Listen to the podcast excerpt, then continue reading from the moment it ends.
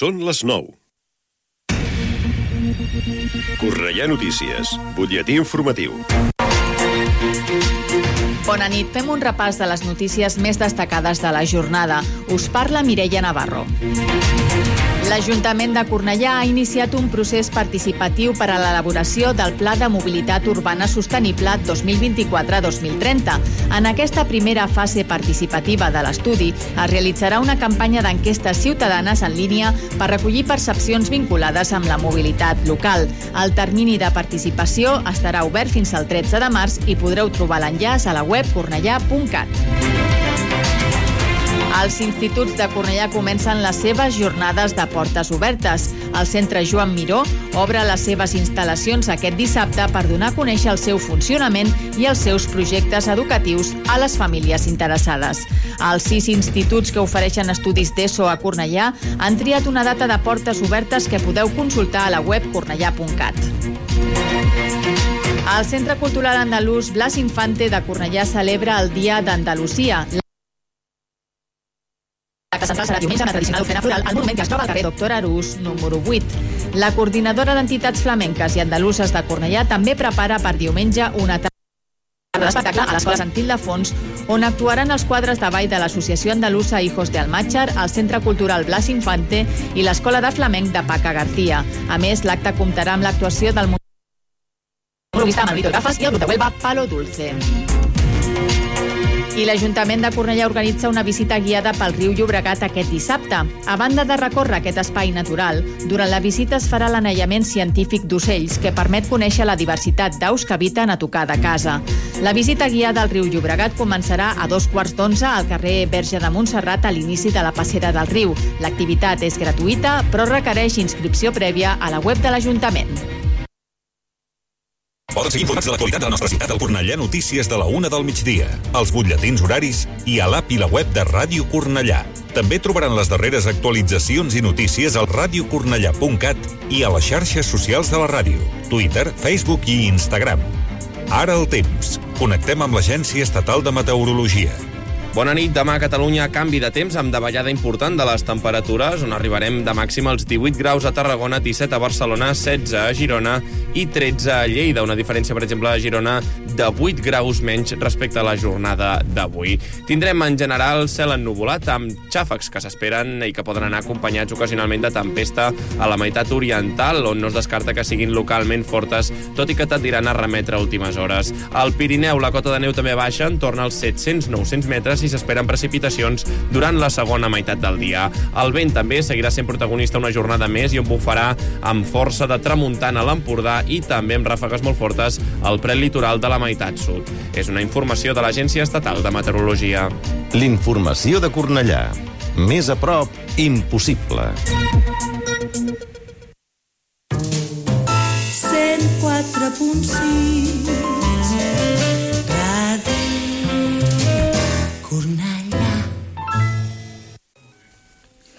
Bon vespre, són les 9 i un dijous més comença Atrapats a la Cultura.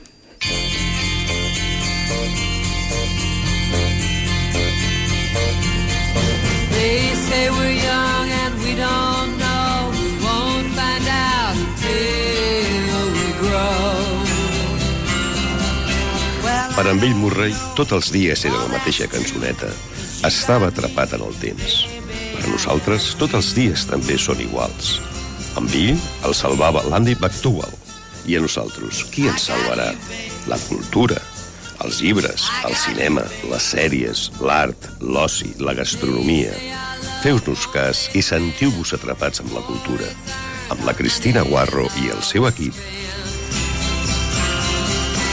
I guess that's so we don't have a plot, but at least I'm sure of all the things we got. Babe, I got you, babe. I got you, babe. I got flowers in the spring. I got Benvolguts oients, ja tornem a ser aquí una setmana més per portar-vos tota l'actualitat cultural del nostre municipi. Bon vespre, Marc Fort. Hola. Vinga, ja sabeu, com sempre, que cada setmana comencem amb l'agenda cultural. Endavant la sintonia. Dissabte 24 de febrer, a les 8 del vespre, a la sala Padró, jo passava por aquí. Una dona fuig de la vida que l'atrapa i es refugia per uns moments al teatre en què treballa. Busca la confidència del públic, la seguretat dels focus i dels aplaudiments. Allà, entre cançó i cançó, l'artista es despulla davant del públic per explicar la seva veritat i fer còmplices a tots dels moments més durs i hilarants de la seva vida. Jo passava por aquí és un musical unipersonal en el qual l'artista canta en directe un grapat de cançons que van directament al cor i a l'imaginari de tothom. L'obra és la proposta teatral de Producciones Ulises, una companyia de teatre del sud de Madrid, Leganés i Alcorcón, eh, que la formen actors i dramaturgs que volen difondre la passió pel teatre. Dissabte, 24 de febrer, a les 8 del vespre, a la sala Ramon Romagosa Estrat, el violinista rebelde, Érase una vez. Un espectacle únic que combina música de cinema, bandes sonores i temes propis, tot això amb una sorprenent i potent posada en escena. Podreu gaudir de cançons com Mamma Mia, Pirates del Caribe. Estrat dona un gir als instruments clàssics i els apropa al públic a través d'aquest espectacle. Un espectacle per tots els públics. I ara anem amb la eh, sobresaturació d'activitats pel diumenge 25 de febrer. Comencem a les 12 al migdia a la sala Ramon Romagosa amb Cuidal, espectacle de la companyia Festu, Festu.com, pensat per infants a partir dels 3 anys, que, a través de la música, llums i diferents elements visuals, endinsa l'espectador en un món imaginari que atrapa des del primer moment. Cuidal és un espectacle basat en l'obra i el pensament de l'artista eh, vienès Handerwasser. La nona i el Xavi es troben un espai indeterminat en què l'aigua és present per tot arreu, es vegi o no. De seguida es veuran immersos en un món d'estímuls i transformacions que els durà per camins de descoberta, joc i experimentació. Un recorregut vital que culminarà en la construcció del seu propi paradís. Cuida'l és un espectacle gairebé sense paraules i amb multitud de recursos visuals per explicar l'essència de l'artista vienès, el moviment corporal, la llum, l'aigua, les projeccions en viu, el joc en materials diferents, la música... Aquest espectacle convida els infants a gaudir del seu món, lliure, creatiu i vital, en què es reivindica la capacitat creativa de cadascú i el dret, importantíssim, a expressar-la, on ressona també el seu potent missatge ecologista. Tot és aquí per ser feliços a la Terra. Tenim neu i cada dia un nou matí. Tenim sol i ombra, terra i vent, tenim arbres, pluja, a ca nostra poca, o pràcticament de moment res, esperança i llàgrimes. Tenim terres llunyanes i bicicletes. Som rics. Una declaració d'amor a la vida i a la seva diversitat. Diumenge 25 de febrer a les 6 de la tarda a la sala Ramon Romagosa, a la plaça del Diamant. Pierrot Teatre de Centelles adapta aquest clàssic de Mercè Rodoreda, a dur escena. La plaça del Diamant avui en dia és un repte immens perquè és una història ben coneguda, de la qual s'han fet diferents versions teatrals i fins i tot una sèrie de televisió. De fet, coincideix amb la proposta de la Carlota Subirós pel TNC que actualment està girant. És una oportunitat per a aquelles noves generacions de poder-se acostar per primera vegada a aquesta joia bella i dura i contundent com el diamant mateix. És la història de la Natàlia, a qui coneixerem com a Colometa, i també de les decisions que prenem i de les altres que prenen per nosaltres i de la vida que escollim o la que ens ha tocat viure. És la història d'una dona, d'unes persones, d'un barri, d'un temps, d'un país. Aquesta proposta escènica forma part del 13è concurs de teatre amateur Ciutat de Cornellà, Premi Joaquim Vila i Folk. És un certamen que se celebra cada dos anys i que està impulsat per les entitats Orfeo Catalònia i pel Patronat Cultural Recreatiu i que em compta amb la participació a les seves respectives companyies de teatre com són Triangle Teatre i Catalònia Teatre. De fet, aquestes dues companyies són les responsables de tancar el certamen amb dues representacions fora de concurs. L'últim dia del concurs es donaran a conèixer els premis, alguns dels quals es decideix el jurat i d'altres els tria el públic assistent. L'objectiu del certamen és difondre i gaudir de les representacions de sis grups de teatre amateur, grups de teatre no professional seleccionats entre totes les propostes presentades al certamen i d'arreu de Catalunya. Enguany, les companyies seleccionades procedeixen de Sant Feliu de Codina, Centelles, Olot i Terrassa. Diumenge 25 de febrer a les 7 de la tarda a l'Auditori de, de Cornellà a Pengivenhead. És l'última proposta del tàndem creatiu d'ACA, això vol dir dramatúrgia de Daniel J. Meyer i direcció de Montse Rodríguez Clusella, una trama amb personatges que somien i lluiten perquè allò que busquen succeeixi, perquè Bé, però podem resignar-nos a viure en un món sense esperança? La resposta ha estat el motor d'aquesta obra, una lluita contra la resignació. L'Ivan i en Peter arriben a Estocolm, paradigma del benestar i acollida, escapant-se d'un ambient de postguerra, germans orfes que desitgen una vida millor en la qual l'odi no hi tingui lloc. Una història que narra la relació entre joves de diferents procedències a la recerca d'una ciutat que els aculli Ninja fa anys que treballa aquí, a un centre d'inclusió en què acull els nouvinguts. Tot i això, no, no està exempta de prejudicis i Estarna és la seva lluita personal. Taric fa anys que va arribar i ara l'esperança comença a transformar-se en desesperança. Els dies passen i les seves condicions no canvien. Viu un llims de pertinença. Els quatre personatges somien i lluiten perquè allò que busquen succeeixi. Però quant de temps donem a cada esperança perquè es faci efectiva? Quan abaixes la guàrdia pots fer un pas en fals. Els intèrprets Diana Gómez, Marta Rida, Pau Escobar i Biel Castanyo.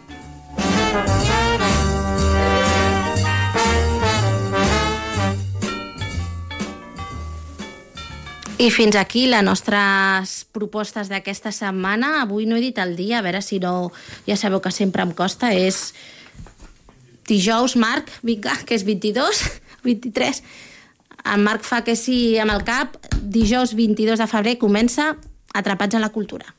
Queda't atrapat amb la cultura. Jove decadent és una pintura a l'oli de Ramon Casas eh, del 1899, el tombant de segle, que va fer a París i que es troba al Museu de Montserrat d'aquí de, de Catalunya. Per cert, eh, us aconsello que us hi acosteu, tot i que actualment per una exposició eh, temporal la tenen al, al Museu d'Art i Arqueologia de la localitat anglesa d'Oxford. Eh, aquesta obra eh, suposa, ja sabeu que Ramon Casas va ser el pintor de la modernitat catalana i en la majoria de les seves obres va voler doncs, reflectir allò quotidià, mundà, el que era exquisitament decadent de les dones de la seva època, que, que de fet suposaven un, un clar exemple de l'evolució del rol femení que estava succeint en aquells, en aquells anys, no? Eh, per què us en parlo? A banda que és un quadre que m'encanta, no sé si el teniu si, si el visualitzeu, és una dona que està allà tombada amb un vestit negre, està lànguida i sosté un llibre groc i ella, ja ho he dit, va de negre i aquest contrast amb un sofà verd doncs és el que contrasta la seva pell mm, pàl·lida i, i blanca i el, el, el, el groc del llibre. Doncs us en parlo perquè resulta que un teaser doncs, mostrat per Selena Gómez, qui presenta justament avui a mitjanit eh, presenta el seu nou vídeo musical de Love On i en el teaser mostrat doncs, presenta diverses parelles que comparteixen moments íntims i una d'elles està inspirada en, en aquest quadre, o sigui, entre Ramon Casas i Selena Gómez. Això és el que triem per començar el, el programa d'aquesta setmana.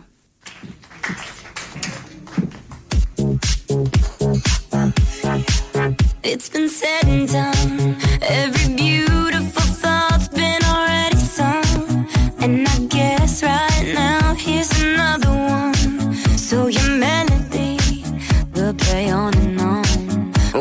best of them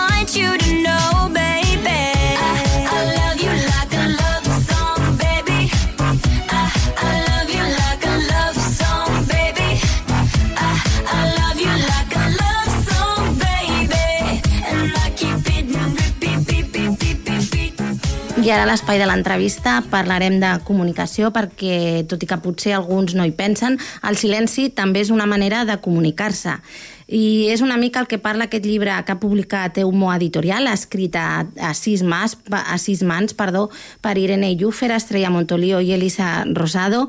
El llibre qui, del qual us parlo és Qui parla i qui calla, comunicació i desigualtat entre dones i homes. Eh, aquest volum analitza els estereotips i els biaixos de confirmació social i ens consciencia perquè entre tots revertim la situació. I nosaltres, per parlar-ne, eh, entrevistem una de les seves autores. Endavant la cinto de l'entrevista. And I'm feeling good.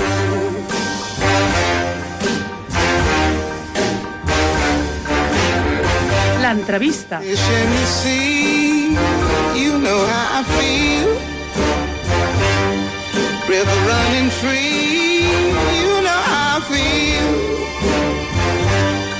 Blossom on the tree. You know how I feel. It's a new dawn. It's a new day. It's a new life for me. And I'm feeling good.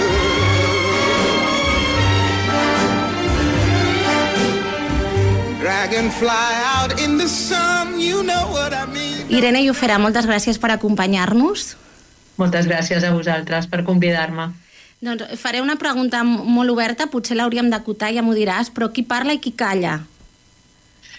Uh, tothom parla i tothom calla. Allò que ens van explicar a l'escola moltes vegades de que l'esquema de la comunicació hi havia un emissor que enviava un missatge amb un cert codi a través d'un canal fins a un receptor, això després ho hem eh, tornat molt més complex perquè és veritat que la comunicació és molt més complexa, és molt dinàmica i aquestes posicions de l'interlocutor, de, de l'emissor, del receptor van canviant eh, i anem passant, però la qüestió que volíem focalitzar en el llibre era que eh, dintre d'aquest intercanvi de posicions les dones eh, tenim més tendència a romandre en les posicions més silencioses, en els entorns comunicatius públics, no en els domèstics, no en els privats, però en el discurs públic, es, públics estem més a la vora del silenci.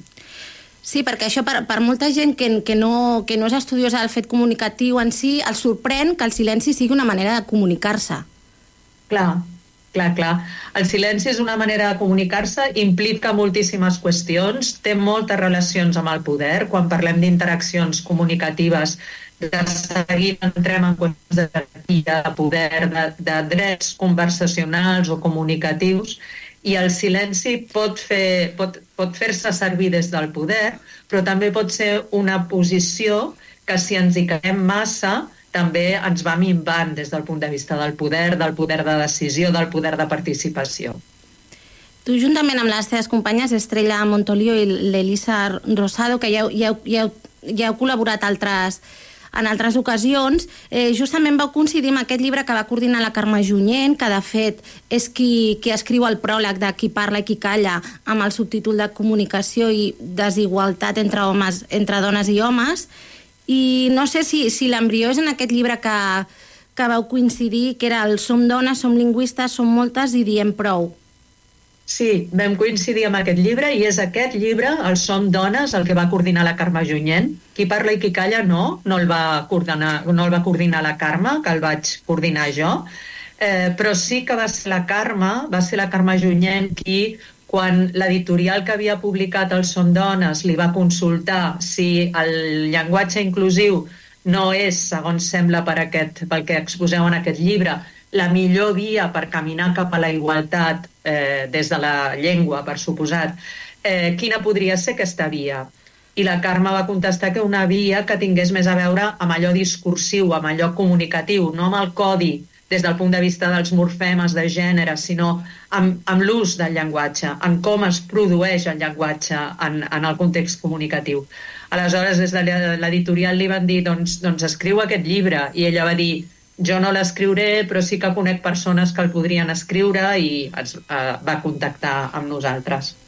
Perquè ella ara eh, parlàvem en, en el, has comentat el tema del llenguatge inclusiu i això és una cosa que queda molt ben reflectida al, al pròleg de la Carme Junyent, que de fet és una de les seves idees que ha defensat durant els últims anys que ve ser que estem com massa entestats en, en els temes lèxics, eh, la paraula és femenina, és masculina, intentar in, incloure altres i, identitats i que al final eh, ens estem oblidant de, de canviar les coses. És una mica com aquello de l'hàbito no hacia el monje, que al final una persona que sempre estigui fent desdoblaments no implica necessàriament que estigui fent polítiques igualitàries. No, efectivament. Això a hores d'ara ja ho podem dir, perquè ja portem prous anys amb totes aquestes recomanacions de llenguatge inclusiu com per adonar-nos que hi ha unes fites que s'han aconseguit, sens dubte, hem posat la qüestió lingüística al damunt de la taula, jo crec que hem conscienciat moltíssima gent de la responsabilitat que té cadascuna de nosaltres, cadascú de nosaltres, respecte a com volem que sigui el, el, eh, la llengua, el llenguatge que fem servir. Això són fites i són molt interessants, però les recomanacions de llenguatge inclusiu també tenen unes limitacions. Són complexes de tirar endavant perquè els morfemes de gènere, el gènere és, és una cosa que eh, aprenem quan som molt, molt, molt petitones i, i l'automatitzem molt ràpidament i aleshores eh, ara de cop i volta que ens diguin mira, tot això que has dit sempre així doncs ho has de dir d'una altra manera, ens costa molt això per una banda i per una altra banda també estem veient que és relativament fàcil fer determinats canvis però que es quedin en canvis absolutament superficials i veiem persones que estan desdoblant, per exemple, però que comunicativament en l'ús que fan de la llengua, no del morfema concret, sinó de tot el fet comunicatiu, no tenen actituds eh, igualitàries, sinó ben al contrari. És a dir, que penso que no podem jutjar les actituds i les creences i les conductes d'una persona respecte a la igualtat entre homes i dones per si desdoblen o no, per si fan servir el masculí genèric o no, perquè ens enduríem moltes sorpreses. Eh, el llibre està estructurat en tres parts. La primera és... Eh, bé, explica una mica el que és dins dels processos comunica comunicatius, no? les, eh, es titula Les dones, els homes, les llengües i la, la comunicació. Després hi ha un altre tema cercat eh, centrat perdó, en, la, en la vida quotidiana, que aquí és una mica els àmbits, no? el privat, el que és a casa, l'escola, eh, la vida a la universitat, després, sobretot una cosa que és bastant sorprenent, com és le, a l'hospital i als jutjats, i en el cas dels hospitals, per exemple, que últimament ens estan parlant de que hi ha molta recerca mèdica amb un viatge de gènere. Doncs mira, se'n parla ara que ja s'està corregint això. Eh? Ara que ja s'estan posant els mitjans per corregir-ho, se'n comença a parlar, però hi ha persones al nostre país que fa molt temps que van parlant d'aquesta qüestió, de com anar al metge i ser una dona i anar al metge i ser un home té implicacions. No? La interacció amb els professionals sanitaris té implicacions perquè ells, com tots nosaltres, tenen els seus eh, viatges també i també fa, fa anys que s'estudia no? que tota la recerca eh, mèdica, tota l'experimentació que es fa per obtenir nous fàrmacs, per eh, posar en circulació noves substàncies, tradicionalment s'ha provat amb homes i eh, la veritat és que eh, els efectes que tenen en les dones moltes vegades són força desconeguts. I també és interessant, i això també fa temps que s'ha descrit, no? que hi ha patologies que s'han descrit en la seva sintomatologia quan es produeixen els homes i aleshores quan les que patim aquestes patologies som les dones, a vegades ens costa molt reconèixer-les i també ens costa molt ser diagnosticades, perquè és veritat que quan parlem dels nostres malestars, a les dones molt ràpidament se'ns eh, recepta o se'ns recomana pues, eh, calma, ansiolítics, es pensa que el que ens passa és que estem molt estressades, molt nervioses, mentre que pels mateixos símptomes, tot plegat, a, a un home doncs li fan tot un seguit de proves que estan buscant una causa més orgànica, no? És a dir, que eh, hi ha també un viatge en aquest sentit. Però jo diria que, jo sóc optimista en general i diria que és un moment en què s'està començant a intentar corregir aquest viatge. Bé, és, és que en aquest cas també deien que el, un tema important era el, els infarts, no? que la, sintomo, sí. la sintomatologia era diferent com es mostrava en el cas dels homes que en el cas de les dones. Sí, sí, I al final sí, això et portava a infradiagnòstics que a vegades tenien destins fatals, clar. Sí, sí, sí, sí. Clar, la mortalitat de l'infart en les dones també és més alta perquè no els reconeixem. Quan vivim els símptomes no els reconeixem perquè no encaixen amb els que s'han descrit, que són els que pateixen els homes. Mm -hmm. Al llibre es parla de violència verbal, sobretot mm, també en, ara hi ha el que hi ha a les xarxes socials, i també parleu del que és les floretes del carrer, aquests piropos. Sí, sí. El piropo, aquesta, aquesta interacció comunicativa és molt estranya, és molt particular, perquè a mi em crida molt l'atenció que quan ens adrecem a una persona desconeguda pel carrer, el primer que fem és aproximar-nos demanant d'alguna manera permís per entrar en l'espai comunicatiu d'aquesta persona. Si penseu en les vegades que ens hem creuat amb aquestes persones joves que intenten que ens associem a ONGs o a institucions, no? sempre és, et puc fer una pregunta?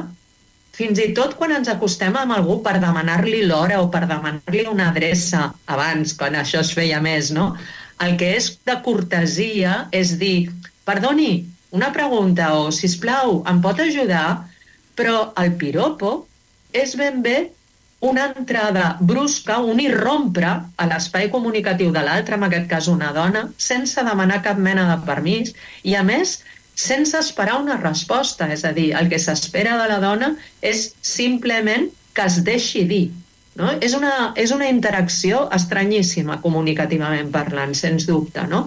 I les persones que s'esclamen no? de que les dones no ens sentim contentes eh, de, de, quan es produeix aquesta, aquesta mena de, de ac acció eh, comunicativa, suposadament comunicativa, cap a nosaltres és perquè no l'han analitzada prou, no? És una situació en la que no, no es compta amb què puguem respondre, amb què no es té gens en compte la nostra voluntat o el nostre interès. És una situació, ja et dic, comunicativament molt atípica.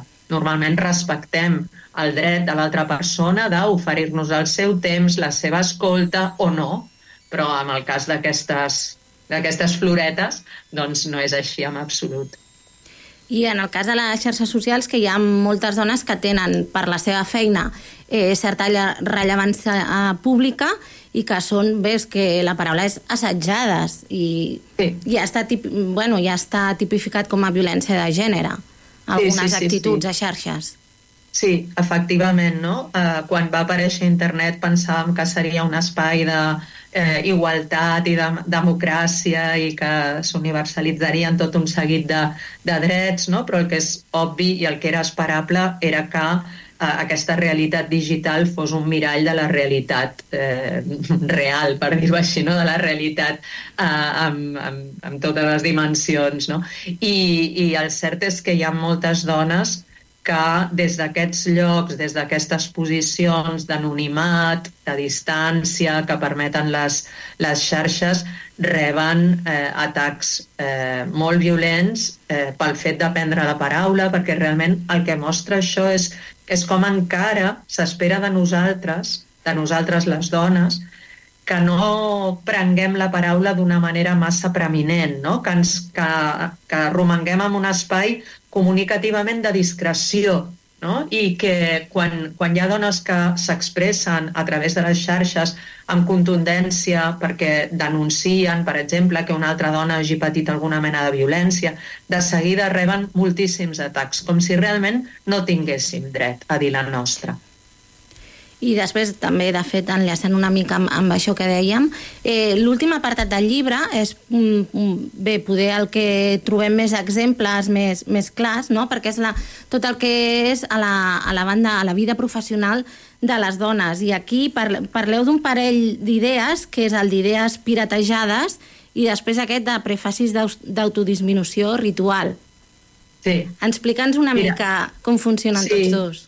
Aquests que esmentes són dos dels trets que la bibliografia ha descrit en els, de, en els darrers anys com a propis eh, de, de les interaccions mixtes no? en, en entorns professionals. No? Què, què passa? Què és això de les idees piratejades? Doncs és un fenomen que es va descriure ja també fa anys, que eh, és, és molt curiós, però consisteix en que en una eh, reunió eh, mixta a la feina, una dona fa una proposta, llança una idea, i sembla com si el grup, com si les persones que són a la reunió no la volguessin recollir, com si no interessés en aquell moment. Però uns minuts més tard, un home exposa o proposa la mateixa idea o una idea molt, molt, molt propera i és com si en aquest moment el grup sí que pogués reconèixer el valor d'aquesta idea. No? Això està molt lligat amb algunes qüestions que també estan en el llibre que tenen a veure, per exemple, amb la relació molt, molt estreta que hi ha encara ara entre la veu masculina i l'autoritat, el coneixement, no? mentre que la veu femenina encara ara per tradició, no per una altra cosa, per tradició l'associem més a elements més emocionals, més familiars, més de, de la banda d'aquest eh, aquest espai més íntim. No? Aleshores, per una banda hi ha això, del que tu comentaves, les idees piratejades, i per una altra banda, aquests, eh, aquests prefacis d'autodisminució ritual, quan els expliquem, de seguida hi ha persones que s'hi senten molt identificades. No? En una reunió també mixta de treball, quan una dona pren la paraula, és més probable que comenci a fer petit allò que ha de dir que que ho faci un home. Què vull dir amb això de fer petit allò que ha de dir? Doncs que diem coses, quan comencem a parlar, diem coses com potser és una tonteria, eh? però estava pensant que, o bé, aquesta no és exactament la meva especialitat, però se m'acut que, o bé, només una coseta, volia dir que, o un segon, serà un segon, sí? Com ja fent petit, traient importància allò que nosaltres mateixes hem de dir, no? I després ens trobem, i no, no és que hi hagi una relació directa de causa-conseqüència, però hi ha un, una relació, ens trobem en què som més interrompudes que els nostres companys homes, tant per homes com per dones. Però clar, si ja comencem traient importància a allò que hem de dir, doncs també podríem pensar que és més fàcil aquesta interrupció, no? que arribi aquesta interrupció. Has comentat el tema de la veu masculina, la veu femenina. Sí. Si pensem en lideratges polítics, bé, no, no cal anar-se'n a la Margaret Thatcher, de qui sempre explicaven que va aconseguir modular la seva veu per, per fer-la més, més greu. Eh, hi ha l'Àngela Merkel, que sempre vestia de, amb el vestit de pa- pantaló i, i la jaqueta, i després, no sé, un lideratge, per exemple, eh, més recent i totalment diferent és el de la Sanna Marin, la presidenta de Finlàndia, que al final bé, va acabar dimitint al cap d'uns anys, va tenir també uns atacs ferotges i era una altra manera de, de liderar. Sí, eh, eh, d'alguna manera això enllaça amb el que et deia fa un moment, no? Com, que Mhm. si, com, com si encara no s'acceptés del tot que ocupéssim aquestes posicions, no? Com si encara no s'esperés de nosaltres que, eh, ens, en, que ocupem aquests llocs, que ens fem sentir d'aquesta manera des de llocs d'autoritat, no? I és veritat que tradicionalment ha estat la veu masculina la que s'ha associat amb l'autoritat, amb el coneixement, i hi ha eh, exercicis, hi ha proves, hi ha demostracions que fan directament mal, no? Per exemple, eh, la, la consciència de que pot resultar més interessant una mateixa conferència escoltada, in, eh, interpretada per un intèrpret masculí que si, ens, eh, si la rebem a través dels auriculars per una intèrpret dona, no? I això també s'ha demostrat. És a dir, hi ha tot un seguit de prejudicis i biaixos que són inconscients. En el llibre sí que és veritat que hem intentat que el to fos sempre molt respectuós, de no renyar, de no buscar culpables, perquè en realitat la nostra convicció és que estem en aquesta situació per una qüestió de tradició cultural, no pas per una voluntat o una intencionalitat de ningú, no? Però és veritat que encara ens costa associar la veu femenina o la, el que arriba, el missatge que arriba en veu de dona, com un missatge absolutament autoritzat. Però el to del llibre, Irene, és bastant expositiu, perquè al final tant Sí. tu com les teves companyes acumuleu ja bastants anys d'experiència i heu fet, bé, heu fet no, feu totes recerca, feu també consultoria en comunicació, heu fet formació eh, i feu classes a a la universitat. Eh, Heu vist canvis des de que vau començar? Sí, sobretot en, en aquest sentit de la presa de consciència, no? Sobretot, eh, jo diria, clar, nosaltres ens movem en uns certs entorns, no? I no faríem, no faríem bé si penséssim que el món eh, es correspon amb aquests entorns. En els entorns universitaris potser el que sí que hi ha és que ara quan planteges aquests temes la gent s'atura i escolta, no? I això ja és molt, que abans potser et deien ah, que ets exagerada o quina pell tan fina que tens, no? Ara potser a la universitat ja no és això, ja, ja, ha com la, la consciència de veure, a veure què, què m'està dient, a veure, parem-hi un moment d'atenció, i això ja és un gran canvi. Però sempre queda molt de camí per fer, no? Encara ara hi ha estudis que ens mostren que les docents a Europa, a les universitats europees, rebem qualificacions a les enquestes sistemàticament més baixes que els nostres col·legues homes, tant per part dels estudiants com per part de les estudiants. És a dir, que se'ns demana molt més, sempre. Bé, has mencionat dues coses eh, que són molt positives. Una és la presa de consciència i l'altra saber escoltar, que, que n'és d'important. Sí, l'escolta és, un, és un tema apassionant. Jo crec que ara s'està començant a estudiar precisament en el moment en què potser s'està deteriorant una mica. No? Potser tenim dificultat per escoltar d'una manera plena, d'una manera focalitzada, però des del punt de vista del gènere és una qüestió importantíssima. No? En el llibre arribem a dir, i jo fa temps que ho dic això, que per mi el gest més radicalment feminista que podem fer no és desdoblar, sinó que és escoltar una dona amb el mateix interès i amb la mateixa atenció amb la qual escoltem un home. Sí, l'escolta és fonamental. Si no hi escolta, que és el veritable motor de la comunicació, les dones van quedant en aquests espais més silenciats i més marginals, aquests espais comunicatius més marginals. Va ser molt interessant perquè just quan el llibre ja estava a l'editorial es van publicar uns estudis que eh, parlaven de l'activitat parlamentària al nostre país i eren uns estudis que se sumen a altres que s'han fet a altres països europeus i no europeus i demos- demostraven d'una manera molt clara que tot i que s'avança molt de pressa amb la presència numèrica de dones, amb la igualtat numèrica de, de dones en els parlaments, no s'avança igual de pressa amb la igualtat comunicativa o amb la igualtat discursiva. Les dones en els parlaments hi som, però agafem la paraula menys cops que els nostres companys i les nostres intervencions són més breus. Encara estem així, en una situació que algunes d'aquestes persones que fan aquests estudis en diuen d'una manera que em sembla molt interessant. Presents sense presència. Això enllaça bastant també amb, la, amb, la, amb el que diuen també la, bueno, la presència de qualitat, no? Per exemple, si pensem en els mitjans de comunicació, bé, també passa a les facultats a les quals tu, tu fas classe, com dret, educació i filologia, que, que són espais tradicionalment des de ja fa molts anys amb una presència de- d'estudiantes de, noies bastant més alta que els nois, però després Sí. arriba el, Sí. El moment laboral, no sé, les redaccions, per exemple, en els diaris, sembla que hi ha més homes, i hi ha després aquests espais, com són la, Sí. el de la crítica literària, que sembla que només siguin els homes qui puguin dir aquest llibre és bo i aquest no. que puguin sancionar, els que puguin, puguin sancionar finalment què està bé i què no està bé. Sí, encara ens falten uns anys per anar canviant això.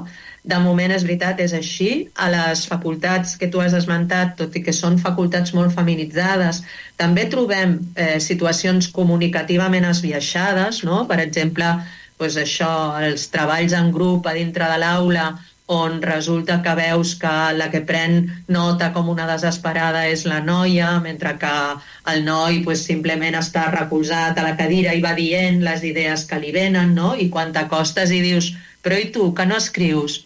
La noia diu, no, ja escric jo, que ell té molt mala lletra, no? I, i es fa càrrec ella de- d'això, no? O la qüestió d'aixecar la mà i fer preguntes, no? Fins i tot en facultats, a majoria d'estudiants dones, doncs encara ara a vegades ens costa més a les dones no? aixecar la mà i fer una pregunta no? I, i enfrontar en públic la qüestió de tinc un dubte, no en sé prou, no? tinc una col·lega a la, a la Politècnica, és professora de matemàtiques i sempre em diu estic esperant amb els braços oberts les alumnes mediocres. A la meva facultat hi ha molts nois que són mediocres, són normalillos, són justets, però totes les noies que tenim són brillants. Les noies que són justetes o normaletes no venen. Són biaixos que encara estan per, per canviar, no? Encara els, podem, els hem de modificar. Mm -hmm. Sí, sí, i de fet te, tanques el llibre amb, amb aquest epíleg de tenim tant per fer, Sí. què és el que tenim per fer? O Mira, com podem jo crec que el que, el que hem de fer, i a mi a mi m'interessa molt en aquest sentit, eh, prendre consciència de que som responsables de com ens comuniquem i, i de que som responsables també de com s'esdevenen les situacions comunicatives en les quals participem. És a dir, que si jo estic en una reunió i me n'adono que la meva companya volia exposar una cosa i l'han interrompuda, jo, com que tinc aquesta alerta molt, molt encesa sempre, doncs he trobat la meva manera com de tornar-li el, to de la, el to de paraula el torn de paraula sense que la cosa sigui massa violenta, no? I puc dir, ai, és molt interessant això que estàs dient, Pep, però m'estava interessant també molt el que deia la, la Teresa. Eh, me la deixes acabar d'escoltar i després ens plantegem això que dius tu? I això és una responsabilitat de cada una de les persones que participen en aquests intercanvis mixtos, no? I sobretot de les persones responsables de grups, no? Parlem, pensem, per exemple, en empreses, doncs les persones que són responsables de grup han de prendre consciència de que tenen molt a fer perquè la comunicació sigui realment igualitària. No? Crec que això ens, ho tenim per fer, prendre consciència de la nostra responsabilitat comunicativa, que podem eh, precisament practicar l'escolta i adonar-nos si escoltem igual una dona que un home. Eh, a vegades m'ha passat que alguna persona m'ha dit és que la meva cap, mira com és, mira què m'ha dit. I jo li he preguntat, i si hagués sigut un home? També m'estaries dient això o ja ho trobaries normal que et parlés amb aquest to, no? És a dir, prendre consciència de com ens col·loquem eh, comunicativament respecte al que rebem d'unes i d'altres i també practicar molt la regla de la inversió, no? Això que m'ha cridat l'atenció, aquesta situació comunicativa, si canvio el sexe de les persones que hi participaven, és normal o no és normal? Perquè si no és normal, segurament aquí hi ha una comunicació una mica esbiaixada, no? I a tu, Irene, t'ha passat alguna vegada com, com em va explicar la Rebeca Solnit, el que va donar peu als homes m'expliquen coses, que és que ella era la, la conferenciant d'un tema, se li va costar un senyor per fer-li tota una dissertació i al final resulta que la- que l'experta i, de fet, la ponent de la xerrada era ella mateixa. Sí, aquesta situació que a mi també m'agrada moltíssim per com il·lustra aquesta qüestió de l'escolta, eh? perquè l'amiga de la Rebecca Solnit no para de dir-li a l'altra però què és ella l'autora, què és ella? I l'home ni ho pot sentir, continua. Ell continua, endavant. A mi exactament això no m'ha passat, però m'han passat altres coses que també algunes estan en el llibre. Per exemple, m'han passat de participar en una taula rodona i que a l'hora de fer les preguntes als ponents, doncs a mi se m'adrecessin de tu i pel meu nom de pila, que és una cosa que em sembla fantàstica, però que immediatament quan s'adrecen al ponent que està al meu costat, amb ell li diguin professor i cognom i li tractin de vostè, no? I el tractin de vostè. I aleshores aquí és quan la cosa ja comença a ser una mica més eh, desigual, no? I a vegades he hagut de dir, al final de l'acte he hagut de dir, mira, mira què, què ha passat. I la persona que ho ha fet normalment em diu, de debò? pues no n'era conscient. I és veritat, són coses que no fem moltes vegades conscientment, però que ens surten inconscientment per la tradició comunicativa de la que venim. No, no, evidentment, i això ja en molts mitjans, afortunadament és una cosa que jo crec que ja s'està corregint, però és Sí. d'adreçar-te, doncs, no sé, parlaves de tal polític i al senyor el deies pel cognom i a la senyora li deies pel nom. Exacte, Exacte, i tot això sí que ho hem de... I això, que en aquest sentit jo estic molt, molt d'acord amb la Carme Junyent, això és més important, o tan important com a mínim, que eh, fer servir o no el masculí inclusiu, el masculí genèric, o fer servir més o menys un llenguatge inclusiu, no? Per mi, aquestes qüestions, que són una mica més de fons, pues són també molt, molt capdals. Doncs ja, malauradament, ja se'ns acaba el temps. Irene, moltíssimes gràcies per haver-nos acompanyat. Gràcies a vosaltres. A reveure. Vinga, que vagi molt bé. Adéu. Adéu, adéu, adéu. Estàs escoltant Atrapats amb la cultura. Doncs i per la, a la part final del programa ens dedicarem a parlar una mica de teatre perquè justament aquesta setmana es complia els 25 anys del suïcidi de la Sarah Kane, eh, l'autora eh, britànica que no va arribar als 30 i que darrerament l'estan representant força als escenaris eh, catalans.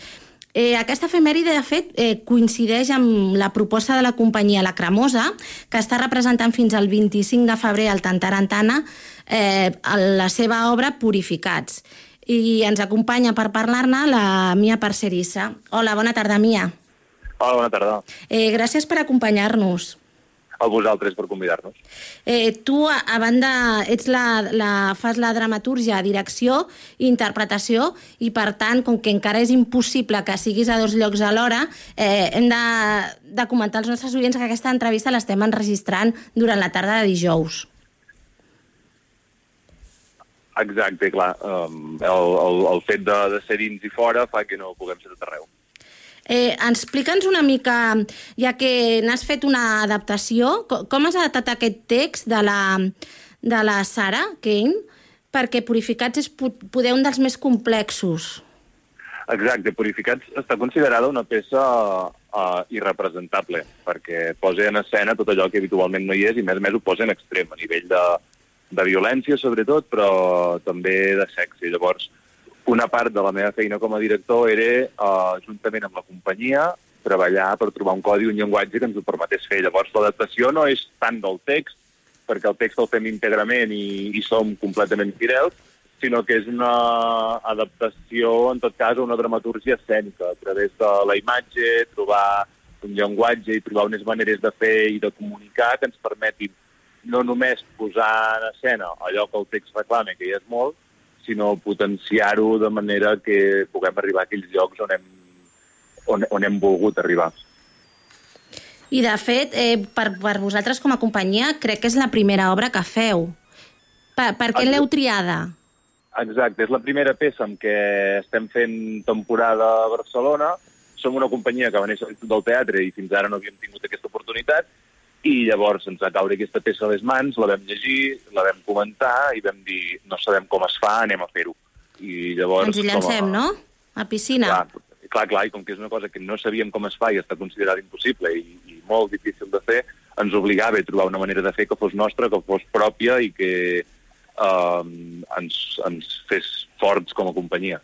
Bé, I, de fet, d'aquesta dificultat de representar-la, hem de dir que eh, aquí a Catalunya no s'havia representat i, de fet, corregeix-me si m'equivoco, però a la Gran Bretanya eh, l'han representada tres vegades. Exacte, s'ha fet tres vegades. La primera crec que va ser el 98 o 99, quan, quan es va escriure pràcticament, i és aquest tipus de peces que allò que posin en escena i allò que posin en evidència és tan dur i tan dolorós segons com que en el seu moment de l'estrena mm, la gent xiulava, la gent marxava.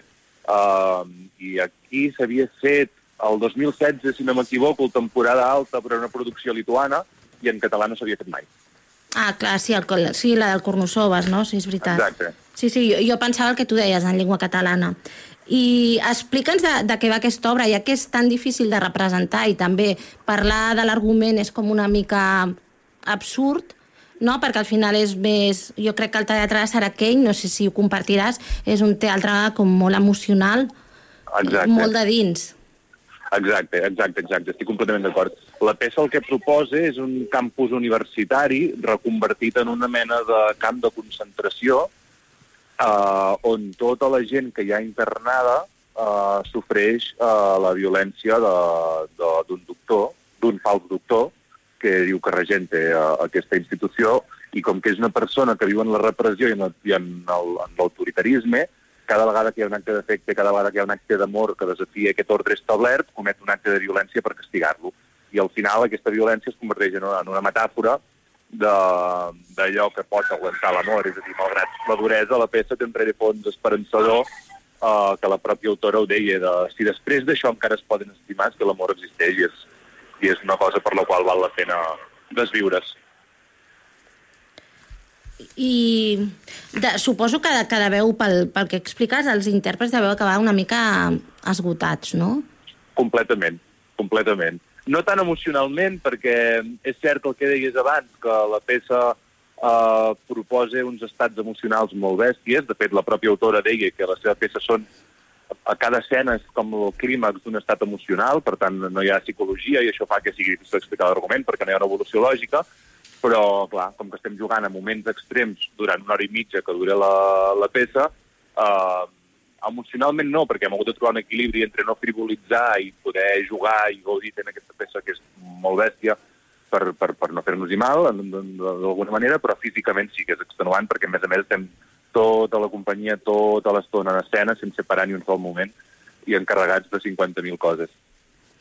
I pel que, pel que has comentat de l'espectacle, entenc que una mica el teu muntatge és bastant de caire expres expressionista. Bueno, podria ser un qualificatiu que, que s'hi digués, en el sentit que sí, anem, anem a buscar aquests moments climàtics uh, molt concrets, uh, anem a buscar una imatge molt concreta, treballem amb una fisicalitat molt concreta, i al final és això, és el que hem procurat i que ens porta en aquesta línia expressionista que comentes, és que um, la nostra feina dalt de l'escenari és durant tota l'estona jugar a provocar i ensenyar al públic allò que volem que veiguin i sentin i procurar aconseguir-ho. I, i com, com es pot representar l'horror? Nosaltres ho hem portat cap a un lloc uh, de provocar la sensació, és a dir, ni el sexe ni la violència poden ser reals uh, Ahà. en escena, és teatre, no ens enganyem, Mhm. i no ho han de ser de- des del nostre punt de vista. Llavors, partint de la premissa que res pot ser real, uh, el que hem fet és intentar jugar a que el públic ho percebés com a real. No hi ha tant perquè el que veu és explícit, perquè llavors estaríem parlant de pornografia, cosa que no ha de ser, Uh -huh. sinó perquè allò que desprèn les nostres accions en escena, allò que fem i deixem de fer i tal com ho fem, fisiològicament els hi activa certes coses que els hi provoquen la sensació d'estar-ho veient de veritat. I vi- 25 anys després de la seva desaparició, creus que, que la dramaturga ha influït? Completament. O què, què ha deixat? Completament. La Quin seva, obra, deixa? la seva obra és superbreu, són cinc peces, i de fet l'última uh, és una peça que alhora era una carta de suïcidi, Uh -huh. Uh, I malgrat ser superbreu, és super, no només intensa, sinó immensa. Um, I, de fet, um, només en cinc peces hi ha una evolució increïble de, de, de les formes en la dramatúrgia i de la depuració del llenguatge escènic i el llenguatge teatral. Uh, i ha estat un, un, un abans i un després per la majoria de, de gent que vol escriure teatre uh, sobretot a nivell de, de, de text i de, i de dramatúrgia. És a dir, la manera en com es perd la por parlar de segons quines coses, de segons quines formes, de segons quines complaences i la manera com repte a qui s'atreveixi a fer les seves peces a posar una escena, d'alguna manera sembla que sigui una barrera, però al final ha acabat sent una forma d'obrir camí en els llenguatges i obrir uh, possibilitats de noves formes de fer. Bé, entenc per la manera com en parles, no sé si vosaltres, la companyia La Cremosa, us plantegeu de representar algun altre text seu. No ho sabem, no ens No hem plantejat. Ara just estem, estem en aquest punt de... Hem de començar a moure algun projecte nou. Uh, sí que és cert que mm, és, un, és una figura i una autora que ens interessa un munt i de la qual hem après molt i podríem dir que forma part del nostre ADN com a companyia, perquè ha estat la primera peça que hem fet i la més complicada que podíem fer i ens ha permès arribar a llocs molt interessants, no només a nivell d'expressió, sinó a nivell personal entre nosaltres. I llavors és allò que dius, "Mm, si es dona l'ocasió, ho farem. Forçar la maquinària tampoc no ho farem, de fer un altre Sarah Kane. Doncs, eh, Mia Parcerissa, moltíssimes gràcies per, per acompanyar-nos aquí a l'Atrapats en la Cultura. Nosaltres recomanem als nostres oients que aprofitin aquests últims dies i vagin cap al Tantarantana. Moltíssimes gràcies a vosaltres per poder compartir aquest moment. Gràcies, a reveure. A reveure. I nosaltres ja som als minuts finals del programa. D'aquí res, si no el sentiu ja, Palo Conte ja ens diu via via. O sigui que a reveure i fins la setmana vinent. Via, via, vieni via di qui. Niente più ti lega a questi luoghi, neanche questi fiori azzurri. Via, via, neanche questo tempo grigio, pieno di musica e di uomini che ti sono piaciuti. It's wonderful, it's wonderful, it's wonderful.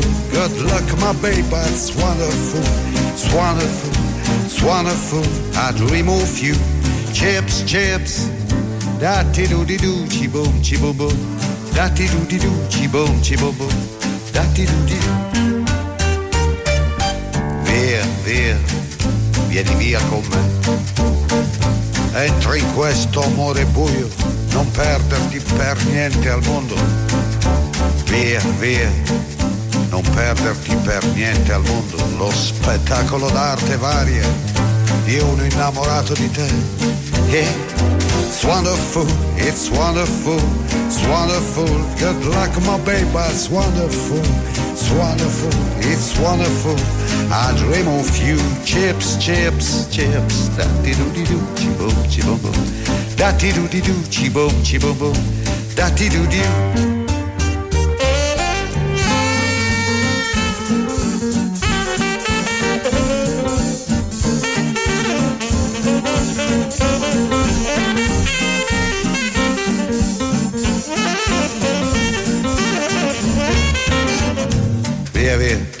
Via con me. Entra in questo amore buio, pieno di uomini. Via, via, entra e fatti un bagno caldo. C'è un accappatoio azzurro, fuori piove un mondo freddo. Eh?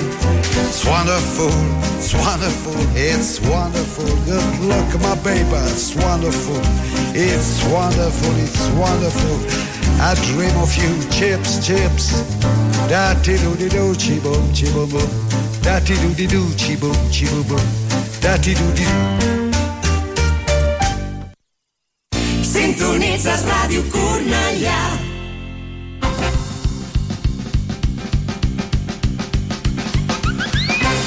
De més enllà, viatgeu amb nosaltres cap a un món de músiques. Connecta't amb De Més Enllà cada diumenge de 5 a 7 de la tarda a Ràdio Cornellà, amb Jordi Garcia.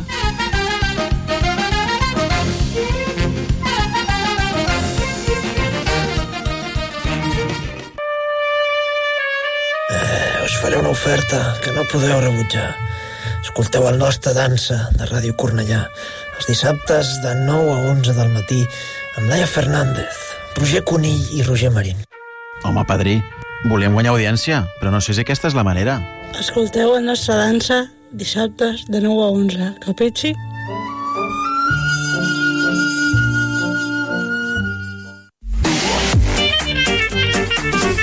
Todas tuvimos una Nancy. Un programa per tothom. Però especialment pensat per boomers. Cada episodi, un únic tema a debat. Amb humor. I molta música. Tots els dilluns. A les 9 del vespre. I sempre que vulguis el pots escoltar a radiocornellà.cat. Todas tuvimos una Nancy.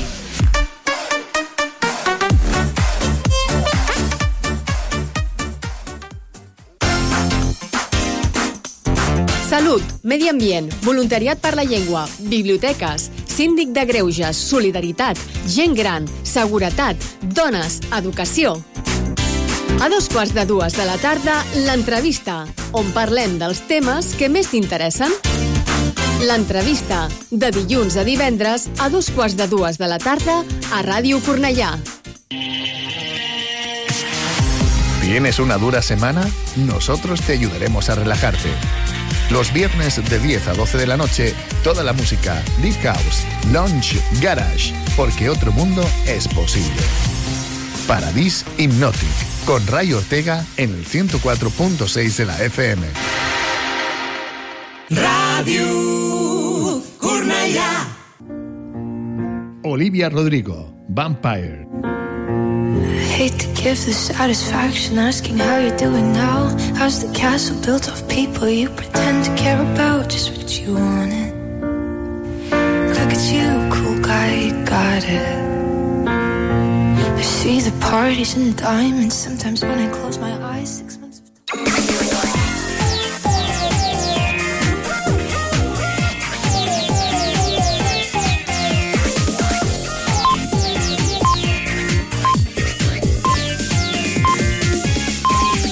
Són les 10.